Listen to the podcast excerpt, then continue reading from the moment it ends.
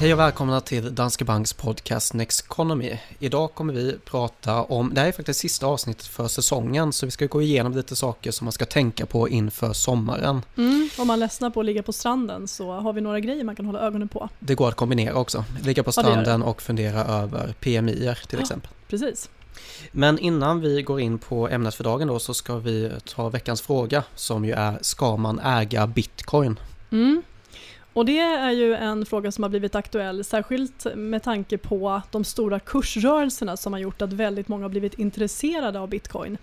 Ehm, jag tror ju att de här stora rörelserna upp och ner gör att det blir väldigt många som blir intresserade.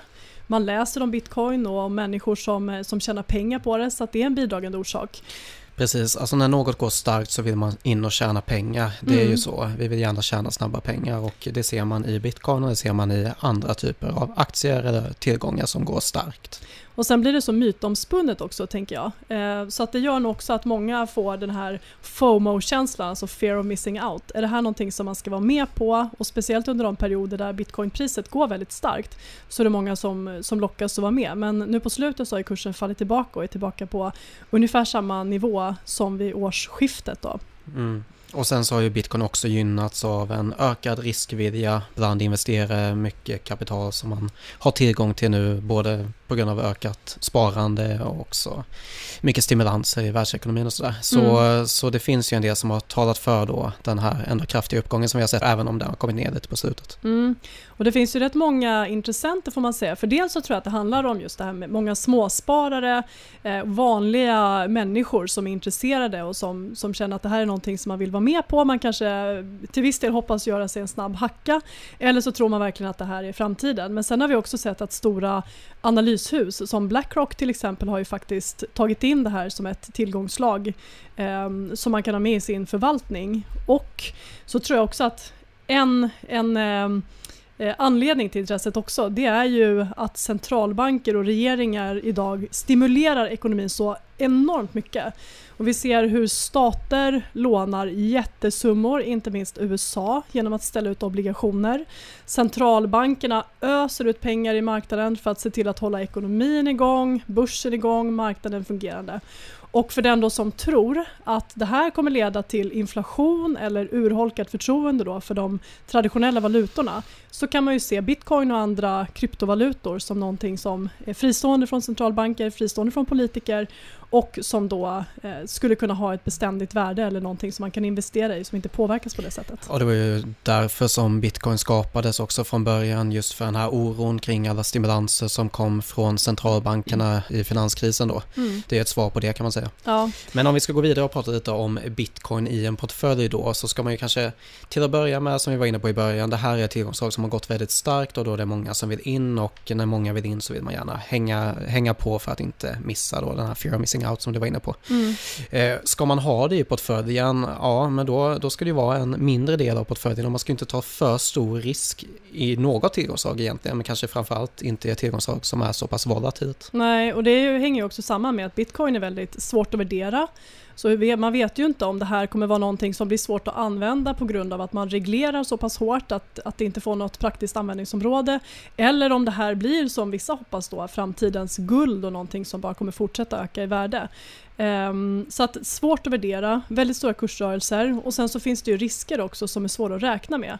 Som en person som Elon Musk då, VD för Tesla eh, med flera bolag, som plötsligt går ut och säger att Tesla kommer att acceptera bitcoin som betalmedel, vilket får då väldigt stora konsekvenser. Och för att då i nästa ögonblick gå ut och säga att det här drar för mycket energi, det här är inte miljövänligt och hållbart, eh, vi, vi glömde det jag sa förra veckan. Och så dyker kursen. Och det här är ju inga risker som man kan lägga i sin Excel-snurra och, och värdera, eh, vilket också gör att kursrörelserna blir oberäkneliga. Precis, och något som man ska tänka på här och som vi brukar prata om det är ju rebalansering. Alltså det är alltid viktigt just att du inte låter ett tillgångsslag eller en region eller en sektor bli en för stor del i portföljen. Mm. Och ännu viktigare är ett så pass volatilt tillgångsslag just att om det stiger kraftigt och om det är så att bitcoin börjar utgöra en väldigt stor del av portföljen så bestäm då redan på förhand att så här stor andel av portföljen ska vara i bitcoin Mm. Och sälj av automatiskt, alltså tänk inte så mycket på det. För om du börjar tänka på det så kan det vara så att girigheten tar över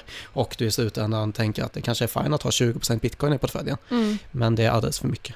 Precis, så att en, en liten del av portföljen och sen måste jag ju ändå säga att jag tycker att det är svårt då och som rekommenderar någon att ha ett tillgångslag i sparandet som är så pass volatilt, som är så svårt att värdera och där framtiden är så oviss. Men sen är det klart att man kan ha det som en liten eh, försäkring eller förhoppning eller vad man nu ska säga om att eh, det här faktiskt kommer vara en framtidsvaluta. Och det man kan tänka på i så fall också är väl att man bara, inte bara ska ha bitcoin utan det finns ju andra kryptovalutor också. Eh, och det finns väl andra som kanske har mer potential att faktiskt fungera som betalmedel på sikt också än vad bitcoin har. Mm. Så ska man äga bitcoin eh, kanske och i så fall en liten, vi snackar små procentenheter i portföljen. Ja, och för majoriteten, jag skulle säga för nästan alla, så är det här absolut ingenting som är nödvändigt eller som tillför särskilt mycket utan det funkar fint med en portfölj med, med traditionella tillgångslag. Precis, och en sak där då, alltså när man då funderar på att bygga en portfölj, tänk inte så mycket på om något ska öka i pris, utan tänk på hur det här tillgångslaget då kan bidra till portföljen. Mm. Uh, har man den grundinställningen så tror jag ändå att man, man kan fatta ett bra beslut kring det. Mm. Jag håller helt med. Bra, då ska vi gå vidare till veckans Aktuellt som ju är eh, bomarknaden som har varit väldigt het ända sedan coronakrisen kan man säga. vi hade ju en dipp där i början men efter det så har det varit väldigt hett. Mm, och frågan är om den här eh, boprisboomen som vi haft på marknaden lider mot sitt slut och vi tror ju att den gör det. För att priserna har ju drivits uppåt och vi har sett framförallt att hus och större lägenheter har utvecklats väldigt väl. Och för första gången på väldigt lång tid så har ju huspriserna sprungit ifrån priser på bostadsrätter. Och det handlar väldigt mycket om att vi har ändrat vårt beteende, vi jobbar hemma, vi vill ha mer plats, vi vill ha en egen trädgård, inte trängas med folk. Men i takt nu med att man börjar kunna plocka bort restriktionerna, att vi får återgå till ett mer normalt liv, så är ju chansen ganska stor att vi också kan acceptera ett, ett annat typ av boende igen. Um, så att dels så kommer inte drivkrafterna vara lika starka för att jaga liksom, stort eh, boende långt från stan eller längre ut än vad man normalt sett hade tänkt sig.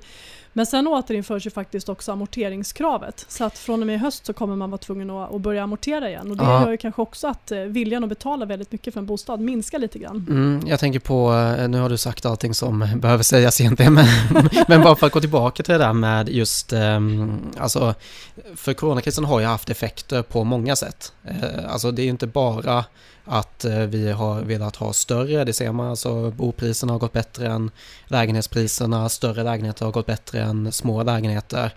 Men också då alltså de här stimulanserna, ett ökat sparande, tagit bort amorteringskravet. Mm. Det finns ändå många saker som då har tillsammans gjort att den här uppgången har, inte minst de låga räntorna också, mm. eh, boräntorna. Så, så ja, kombinerat så har det ju varit en miljö som man kanske inte trodde skulle vara bra för bopriser just när man tänkte på coronakrisen där i Nej, på precis. I början så spådde ju alla, inklusive vi, att priserna skulle gå ner och att det skulle vara en väldigt svag efterfrågan på bostäder. Mm. För det är ett sånt klassiskt beteende, när vi får en kris, en lågkonjunktur, ökad risk för arbetslöshet och börs som rasar, då brukar det vara en perfekt cocktail för att vi inte ska vilja fatta stora ekonomiska beslut. Och att köpa en bostad är ju det största vi gör mm. för de allra flesta i livet. Så det brukar vara någonting man skjuter på, men så blev det inte. Exakt, man kanske gjorde det till en början men det gick ganska snabbt innan det, det gjorde man, man i en månad ungefär. Mm, ja, jag var ju själv ute och letade bostad. Det, var, ja, det ja. gick fort tills visningarna var fulla igen. Ja, och det där sammanfaller ju med aktiemarknaden också. Det tog mm. en månad innan vi ville köpa aktier igen. Ja. Och det där, har ju, det där är ju egentligen det här som Benanke pratade om redan i början på, ja, efter finanskrisen där med mm. förmögenhetseffekten.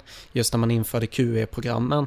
Att om man då trycker ner långräntorna och minskar alternativen för en investerare så kommer man investera mera i aktier och fastigheter och när de ökar i värde då blir man ju mer som konsument då mera positiv och går ut och konsumerar och sådär. Och, eh, så det, det kan man ju faktiskt se den här effekten att ja, när, när någonting går neråt, alltså går marknaden neråt, eh, börsen då till exempel, ja då blir vi mindre eh, positiva till att köpa bostäder så det följer ju åt mm. ganska väl. Sen har vi inte fått den där effekten på inflationen som var tanken just med men vi kommer med till det senare tänker jag. Mm, precis.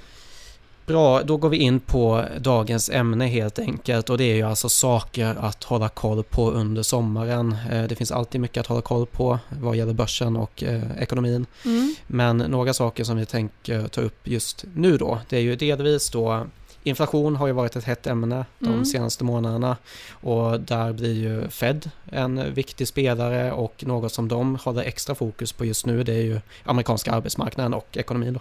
Mm, och centralbankerna är ju en väldigt viktig faktor och drivkraft för marknaden och inte minst för börsen då. Och eh, Fed har ju två stycken mål. Dels är det ett sysselsättningsmål och sen är det inflationsmålet. Och eh, när det gäller inflationen så har ju den överträffat förväntningarna den senaste tiden. Så att inflationen i USA har kommit in högre än förväntat och eh, i maj så var det 5 i årstakt vilket är ju ganska högt och en bra bit över Feds mål. Men sen finns det baseffekter med mer som kan motivera det där då. Men sen har vi ju arbetsmarknaden och i USA så blev den ju väldigt snabbt en katastrof. Vi såg hur miljontals människor på kort tid förlorade jobbet. Men i USA så är det dels lätt att göra sig av med arbetskraft men det är också lätt att anställa någon igen. Så att den har ju stärkts ganska snabbt men på slutet så har det där avstannat lite. Och då så har vi samtidigt ett läge där vi har eh, drygt 8 miljoner lediga jobb men bara drygt 7 miljoner arbetslösa amerikaner. Och företagen skriker efter arbetskraft. Eh, man ser att många bolag rapporterar att de har svårt att hitta rätt kompetens och fylla de tjänster som man behöver. Men det finns ju flera anledningar till det och en är ju det här generösa stödet som man har gett till arbetslösa under krisen. Så att om man är en lågavlönad amerikan så har man tjänat mer i många fall på att vara hemma och få arbetslöshetsersättning än på att ta ett jobb. Och i det valet så är det klart att det är många som väljer att stanna hemma. Men nu håller den där ersättningen på att löpa ut så att i september så upphör den för hela landet. Men redan nu så har de delstater där man öppnat upp i hög grad börjat plocka bort den och det borde börja synas. Mm. Så att eh, efter varje månad så publiceras den här jobbrapporten i USA och den kan man ta några minuter och läsa. Titta på löneutvecklingen, titta på hur många som får jobb och om vi ser en fortsatt förbättring på arbetsmarknaden. Mm. Och en sak som har hänt eh, den eh, senaste tiden, eh, nu var det kanske i december som det här hände, men det var i alla fall att Fed övergick till det här flexibla inflationsmålet. Man ska ha en inflation som är på 2 i genomsnitt över tid och frågan är ju hur de hade hanterat den här inflationen, alltså en inflation nu över 2% och inflationsförväntningar över 2% också, om de inte hade justerat det här inflationsmålet. Mm. Kanske är det så att de hade varit mera hökaktiga då i sitt, sina uttalanden att de kanske redan nu hade börjat prata mer om att strama åt. Men mm. med tanke på det här och med tanke på att de hela tiden har kommunicerat att de anser att inflationen är övergående så har de ju kunnat då eh, vänta med att diskutera till exempel att dra tillbaka obligationsköpen eller att höja räntorna. Fast mm. nu har de ju, de har ju ändrat lite där eh, sen, sen förra veckan just vad gäller räntehöjningarna. Ja, precis. För nu, sen sista räntebesked vi fick innan sommaren så var man ju faktiskt lite mer hökaktig, alltså stram i sina uttalanden än vad man eh, hade förväntat sig innan då. Så att bland annat så gick man från att inte vänta sig någon räntehöjning under prognosperioden som sträcker sig i tre år till att vänta sig två stycken höjningar under 2023. Och dessutom så sa ju även nu Jerome Powell ordföranden att man tycker att det är dags att börja prata om tapering. Men det betyder inte att man faktiskt trappar ner utan man börjar prata om det och någon gång under hösten så kommer man lägga ut en plan för hur det ska gå till då.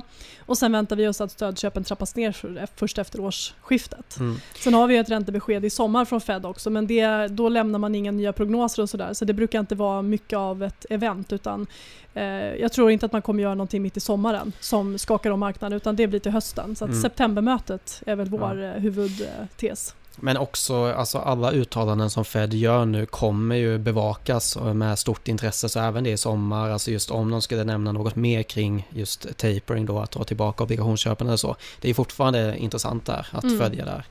28, 29, 7 någonting. Mm. Eh, så eh, det kan man hålla utkik efter ja. också. Eh, en annan sak som vi såklart följer är ju covid-19. Ehm, man, alltså marknaden kanske har släppt fokuset på det mm. mer och mer här med tanke på vaccineringen och att vi har kunnat återöppna eh, ekonomier både i USA och i Europa. Mm. Men eh, det finns ju som ett reellt hot fortfarande, alltså mutationer. Mm. Och där eh, har vi ju en mutation som ändå är lite annorlunda än de tidigare och det är den som nu kallas för delta-varianten som ursprungligen upptäcktes i Indien. Och där fick den ju väldigt snabbt en väldigt omfattande spridning men där ligger man också efter med vaccinationsprocessen. Men det man sett sen är att den där har ju spritts eh, och i Storbritannien så har den helt tagit över så att en bra bit över 90% av alla nya fall i Storbritannien är just den här deltavarianten och då har man ändå vaccinerat väldigt många människor där. Eh, men den har ändå spritts så att det, det finns ju mycket som tyder på att den är betydligt mer smittsam. Det är större risk att man hamnar på sjukhus om man drabbas av den och en eh, spruta med vaccin ger inte fullgott skydd mot att man kan bli riktigt, riktigt sjuk. Så att man behöver ta två för att man ska ha fullt skydd. Så att för den som eh, hunnit ta en spruta så är det viktigt att inte glömma att ta den andra när den tiden kommer. Eh, och eh, I Storbritannien då så har ju Boris Johnson faktiskt skjutit fram det här totala uppöppnandet av ekonomin som skulle skett i juni till en bit in i juli på grund av spridningen av det här. Så att vi har ju sett att den har fått vissa effekter. Eh, och vi får se om det blir på andra länder också. Men det är ju viktigt nu att man kan öppna upp ekonomin för att värderingarna är höga. Eh, mycket, mycket av det som händer på börsen och som, som marknaden speglar det är förhoppningar om att vi ska ha en höst där vi inte behöver återinföra alla de här restriktionerna. Mm. Så att det här tycker jag ändå är någonting som man ska ha koll på även om det inte pratas så himla mycket om det för tillfället. Precis, och det här med att värderingarna är höga det för oss in på nästa tema som man ska hålla koll på. Det är ju Delvis är det ju rapportsäsongen för Q2 som kan vara viktig, men jag tänkte att vi ska börja prata om just eh, tillväxten i ekonomin. Mm. Eh, för eh, där går vi ändå mot, vi har haft en ett eh, läge nu där vi har haft en positiv och stigande tillväxt vilket är en bra miljö då för aktier men någonstans så kommer den här tillväxttakten att toppa vilket gör att vi får fortfarande en positiv tillväxt men att den blir sjunkande istället. Mm. Det är ju en diskussion då kan man säga om när det här kommer ske men det man kan säga är ju att börsen troligtvis kommer gå mer sidledes efter det, mm. också med tanke på de höga värderingarna som du var inne på. Mm. Och PMI är ju en av de bästa ledande indikatorerna som finns för börsen. Så att um, toppar den där så är risk att börsen tillfälligt toppar också. Uh, men sen så kommer ju inte PMI toppa samtidigt överallt. Vi har ju Kina som var först in i krisen och först ut och där toppade PMI under hösten, sent under hösten. Och sen så såg vi då hur börsen i Kina gick väldigt starkt under fjolåret därför att man var snabb med att hantera det här. Men sen så vände den ner några månader då, eller ett par månader efter att PMI hade toppat. Och nu ligger USA näst i fas så att där toppar tillväxten förmodligen nu eller den, den kanske till och med redan har toppat. Det återstår att se lite här. Men sen så kommer ju Europa följa efter, sen kommer Japan och tillväxtmarknader som ligger längre bak med, med vaccinationer och fortfarande har högre smittspridning. Så att det kommer ju gå som i vågor i delar av ekonomin så att vi, vi har inte någon så här total tillväxttopp nu men tittar man globalt så bör tillväxten toppa någonstans under Q3. Mm. Och eh, det här talar ju för en lite lugnare utveckling på börsen och att man kanske måste växa in lite i de värderingar som vi har. Men i grund och botten så ska man ändå säga så att okej, vi kanske inte ser samma börsuppgång framåt, för det gör vi inte, utan vi har ganska låga förväntningar på avkastningen framåt, men de är fortfarande eh, positiva och eh, i grund och botten så är miljön fortfarande stöttande för aktier. Lågräntemiljön kommer bestå länge. Vi fortsätter vaccinera människor i ett förhållandevis högt tempo. Restriktionerna lättas.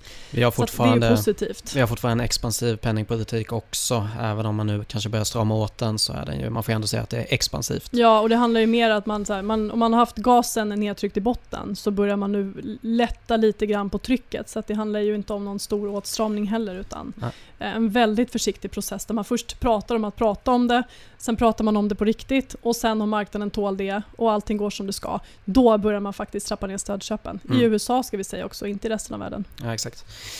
Och eh, det man kan säga i alla fall är ju att hålla utkik efter PMI i sommar och se riktningen där då. Eh, mm. Det, och sen har vi också, du var inne på det här med att det gäller att växa in i värderingarna för bolagen här framöver. Och då är ju Q2-rapporterna kan vara värda att eh, kika på då. Ja, för de eh, kommer bli rätt spännande. Vinsttillväxten väntas ju bli extremt hög. Tittar man på hur estimaten ligger nu så är det för europeisk del en vinsttillväxt på 90% som väntas. Men det beror ju också på att under Q2 förra året som var det som var absolut värst, för ekonomin var ju nedstängd under stora delar av kvartalet. Så att i Europa då så följer vinsterna med 50% så att, att de ökar 90 nu är ju inte så konstigt därför, men det är fortfarande så att för börsen så är momentum viktigt, alltså åt vilket håll eh, kraften drar så att säga och den drar ju mm. kraftigt uppåt nu. Och även i USA så väntas vinsttillväxt på 60% ungefär. Men där föll de inte lika mycket därför att vi har de här kvalitetsbolagen och stora IT-bolagen som inte är konjunkturberoende utan drivs av andra trender. Um, så att väldigt hög vinsttillväxt och um, uh, vi får se vad det betyder för börsen. Det är mm. inte nödvändigtvis så att det lyfter.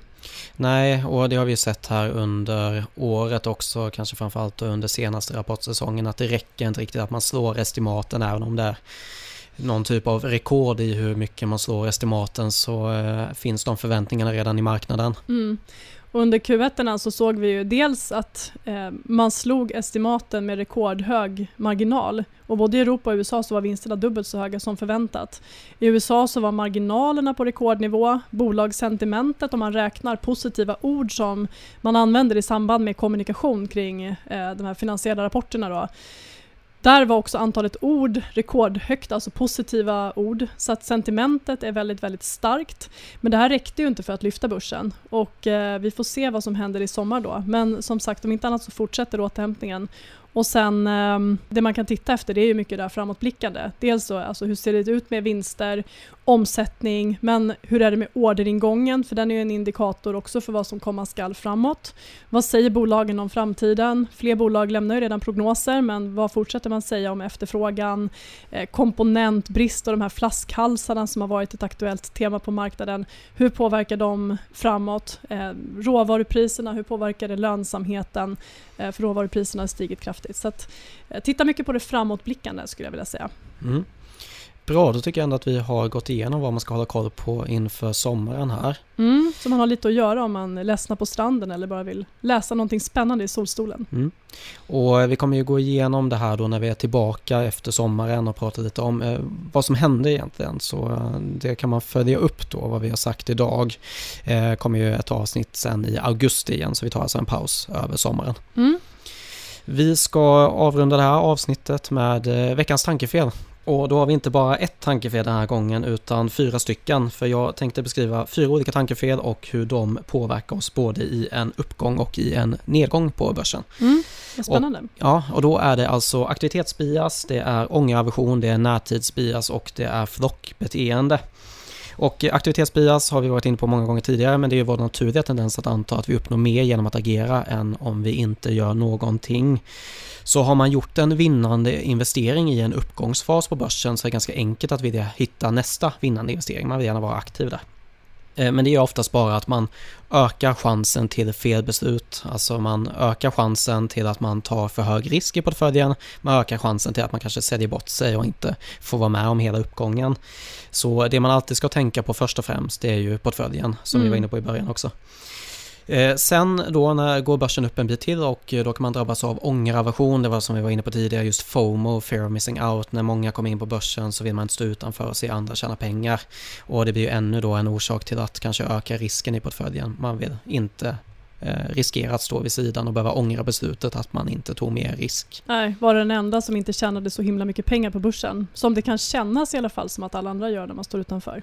Ja, exakt. Och det här är någon typ, nu är det lite utanför vad jag tänkte prata om, men just eh, survivorship bias också. Ja. Alltså det blir väldigt enkelt att anta att alla tjänar pengar på börsen mm. i och med att man kommer bara få se dem som har en väldigt positiv avkastning. Mm. Det, det, I alla fall så kommer majoriteten visa sin positiva avkastning. De som har en väldigt negativ avkastning kanske försöker gömma den lite mera. Mm. Och det har vi väl sett i sociala medier också. Alltså det, det kryllar av konton där man har, i alla fall under den här kraftiga uppgången under fjolåret, där man såg hur folk eh, tjänade väldigt mycket pengar och dubblade och tredubblade portföljen. Mm. Um, så att där var det lätt att känna sig som en loser om man bara hade en uppgång på 10-20% vilket mm. egentligen är en fantastisk utveckling. Och ska man säga i linje med börsen, vilket är vad man egentligen ska vara nöjd med. Mm. Har man väldigt hög avkastning så har man tagit väldigt mycket risk. Ja, exakt. Och sen när man kommer upp i den här börsuppgången lite mer så kan vi drabbas av närtidsbias. Det är alltså vår tendens att anta att det som har hänt i närtid ska fortsätta i all evighet i princip. Eh, jag brukar ta exemplet där att eh, på toppen av IT-bubblan så var avkastningsförväntningarna bland investerare 15-25% per år. Mm väldigt höga förväntningar den, eh, men så blev det ju inte de, de närmaste åren då. Mm. Ehm, och det är ju också ännu en orsak då till den här tendensen att ta på sig ännu mer risk. Och sen då när man når toppen, det är svårt att veta när den kommer, men då är ju euforin som störst och då är det väldigt enkelt att man drabbas av flockbeteende. Eh, vi är ju alltså evolutionärt utvecklade för att vara en del av en grupp, så vi dras gärna med i extremerna. Så när alla köper så köper vi gärna också. Men det är ju när det är som mest positivt kring börsen som man gör som mest rätt i att tänka på risken, så fundera över risken, ingen annan tänker på risken kan vara en bra bra att, eh, bra att tänka på. Mm. Um, det, lå det, låter bra men jag kan tänka mig att det är väldigt svårt att göra. Det är det. Um, men man kan ha det som tumregel. Ser det väldigt positivt ut, fundera över hur portföljen ser ut och tänk på vilken risk man har då. Mm. För någon gång så viker det ner igen och eh, till en början då kan man drabbas av ångeraversion igen och det är faktiskt positivt här för då vill man inte sälja för att se aktiemarknaden studsa upp igen. Så eh, då sitter man kvar på aktiemarknaden ett tag till och allting som får en att vara långsiktig på börsen är faktiskt positivt. Så här spelar det med oss då. Men sen när den sjunker lite till då kan vi återigen då drabbas av aktivitetsbias och eh, för vår naturliga tendens där blir ju att när vi möter ett problem då vill vi ju agera för att rädda upp situationen och problemet just nu då det är att vi förlorar pengar och sättet att rädda det, det är genom att sälja. Ja. Och rädda det som man har då. Eh, men när man känner den här känslan då av att vilja agera, då gör man oftast rätt i att sitta passiv. Mm. Så att eh, det här är precis det man kan se också om man tittar på fondflöden och sådär till exempel på privatsidan. Att ofta kommer det in som mest pengar när börsen har stigit som kraftigast. Så att har vi några månader med väldigt, väldigt stark börs, ja men då tenderar det att flöda in kapital. Medan när vi har börsras som vi hade under förra våren när det föll som värst i mars, ja men då ser vi också stora utflöden. Så att det, det går ju väldigt lätt att se att det är Mm. precis så här vi agerar. Precis. Och även om man då klarar av att vara inaktiv under den här nedgången så ska man också ta sig förbi botten. Och Mm. eh, som jag var inne på tidigare, alltså flockbeteende gör att vi tar oss med extremerna. Så vi köper när alla köper, vi säljer när alla säljer. Och eh, det är ju verkligen på botten där som eh, tidningsrubrikerna är nattsvarta. Det känns som att alla runt omkring säljer. Det, det är så rött i portföljen så det blir väldigt svårt att stå emot det här trycket då. Mm. Eh, och sen, ja risken är ju då att man säljer och sen då när man har gått förbi den här botten kan man ju återigen drabbas av närtidsbias. Man fokuserar bara på smärtan på vägen ner, man fokuserar inte på den här spänningen man kände på vägen upp. Mm. Och eh, då när man har den bästa möjligheten egentligen att gå in på börsen för att det är som billigast så det sista man vill göra då är att köpa aktier. Man behåller Mm. hellre pengarna på kontot. Så. Men eh, då kan vi ju slå ett slag för månadssparande. Det är ju någonting som vi nämner ganska ofta. Mm. Och att ha ett månadssparande som hela tiden ligger där och rullar på, det gör ju att du alltid köper lite. Så att du är faktiskt med och köper när det känns som alla andra köper. Men du fortsätter också köpa när det går ner. Mm. Och du köper fortfarande när det är som nattsvartast. Exakt. Och då kan man ju vara lite, eh, lite våghalsig kanske genom att öka det månadssparandet lite just där det går ner. Istället för att man ska sitta och känna att man, man ska fatta några eh, som större beslut. Utan ha ett månadssparande, låt det löpa på.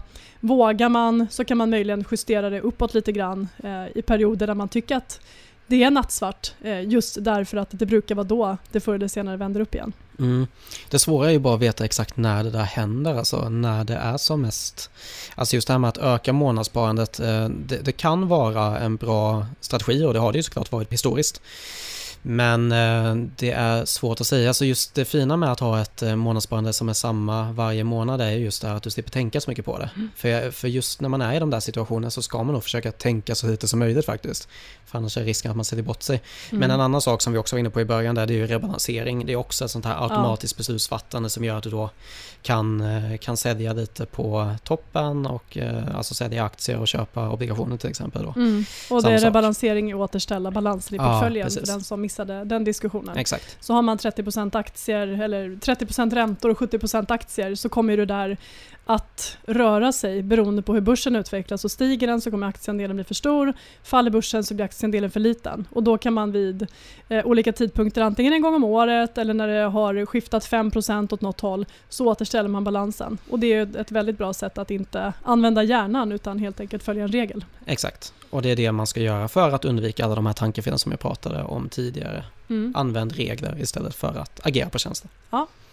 Bra, då tycker jag att vi avrundar för idag. Eh, Ni får som vanligt komma med förslag på ämnen vi ska ta upp eller med frågor i vårt frågeformulär i avsnittsbeskrivningen. Och eh, så får ni gärna gå in på nexconomy.se där vi också kommer lägga upp en del mer information eh, just nu och sen även i sommar. Mm, och där hittar man ju alltid då dels våra senaste poddar. Vi spelar regelbundet in filmer om Börsveckan till exempel där vi uppmärksammar det som har drivit marknaden under veckan som gick och det som eh, sker kommande vecka. Sen så lägger vi också upp vår marknadssyn, kommentarer till aktuella händelser och så vidare. Så att nexconomy.se där hittar ni marknadssyn och annan spännande information. Bra, då tackar vi helt enkelt för att ni har lyssnat den här eh, gången och så hörs vi igen efter sommaren så vi får helt enkelt önska en glad sommar. Glad sommar, på återhörande.